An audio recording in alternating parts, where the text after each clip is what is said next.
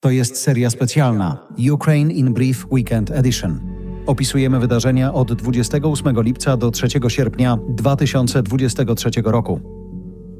Rosyjskie flagi pojawiły się w tym tygodniu w Nigrze. Szef rosyjskich najemników z grupy Wagnera poparł przeprowadzony w afrykańskim kraju zamach stanu i zaoferował usługi swoich żołnierzy. Stwierdził, że to uniezależnienie się od kolonialistów. Jak podaje AFP, grupa manifestantów w stolicy Nigru obrzuciła kamieniami ambasadę francuską. Zwolennicy zamachu stanu mieli wykrzykiwać precz z Francją i niech żyje Rosja. Nie ma dowodów na to, że Rosja jakkolwiek wspiera puczystów. Moskwa oficjalnie nie popiera zamachu stanu. W wyniku rebelii w Nigrze od władzy został odsunięty legalnie wybrany prezydent.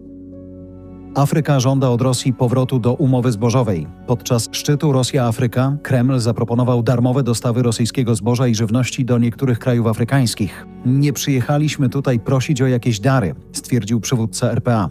Afryka chce kupować zboże i żywność z Ukrainy. Ponowne uruchomienie dostaw przez Morze Czarne jest więc jej kluczowym celem. Do wznowienia porozumienia zbożowego wzywał też Rosjan papież Franciszek. Ambasador USA twierdzi, że ze strony Moskwy widać oznaki zainteresowania powrotem do negocjacji w sprawie umowy zbożowej. Nadal jednak Rosjanie niszczą elewatory z ukraińskim zbożem. Tymczasem Kijów planuje eksportować zboże z portów w Chorwacji.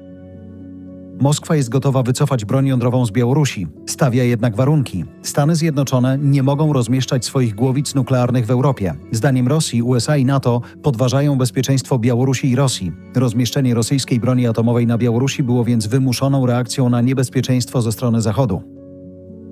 Rosjanie przeprowadzili atak rakietowy na Krzywy Róg. Pociski trafiły w blok mieszkalny. Zginęło 6 osób, a co najmniej 75 zostało rannych. Celem ostatnich ataków był też Charków. W mieście były problemy z dostępem do elektryczności i wody. W kolejnych rosyjskich miastach rozlegają się eksplozje. W wyniku wybuchu w centrum miasta Taganrog rannych zostało kilkanaście osób. Władze obwodu rostowskiego twierdzą, że był to atak rakietowy. Moskwa zastrzegła sobie prawo do podjęcia surowych środków w odpowiedzi na atak. Do eksplozji doszło też w rafinerii ropy naftowej w Samarze. W centrum biznesowym w Moskwie dron uderzył w wieżowiec. Dwa kolejne drony zostały zestrzelone na przedmieściach stolicy. Katar przekaże Ukrainie pomoc humanitarną. Władze Kataru mają przekazać 100 milionów dolarów na wsparcie służby zdrowia, edukacji i rozminowywania ukraińskich terenów. Z kolei Stany Zjednoczone przekazały Ukrainie grant w wysokości ponad miliarda dolarów. Pieniądze mają być przeznaczone na pomoc osobom przesiedlonym, niepełnosprawnym i rodzinom o niskich dochodach.